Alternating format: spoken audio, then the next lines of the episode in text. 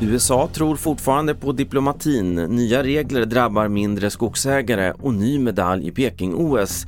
Ja, först i TV4-nyheterna om att USA i natt förklarade att en diplomatisk lösning på Ukraina-krisen fortfarande är möjlig. Den amerikanske utrikesministern Antony Blinken sa i ett framträdande att han haft nya samtal med sin ryske kollega Sergej Lavrov.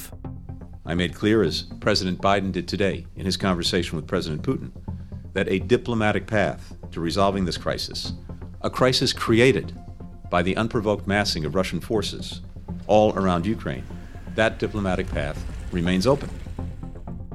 Sverige. I veckan beslutade Skogsstyrelsen att skogsägare själva ska ha koll på vilka fridlysta arter som finns i skogen innan de avverkar. Det här får nu skarp kritik och tunga instanser menar att det riskerar att slå ut det småskaliga skogsbruket.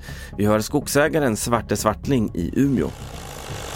Det är ganska absurt. Det handlar inte om, om särskilda arter utan det handlar om alla arter. Och det handlar inte bara om arter, det handlar om individer. Jag får inte störa en enda fågel ute i min skog.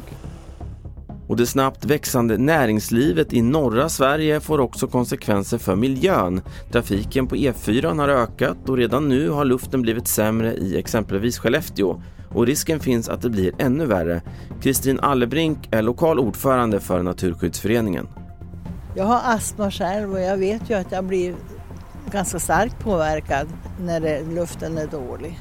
Ska vi nu bli fler personer här i Skellefteå som det nu verkar ändå bli, då måste de göra någonting åt den här luften.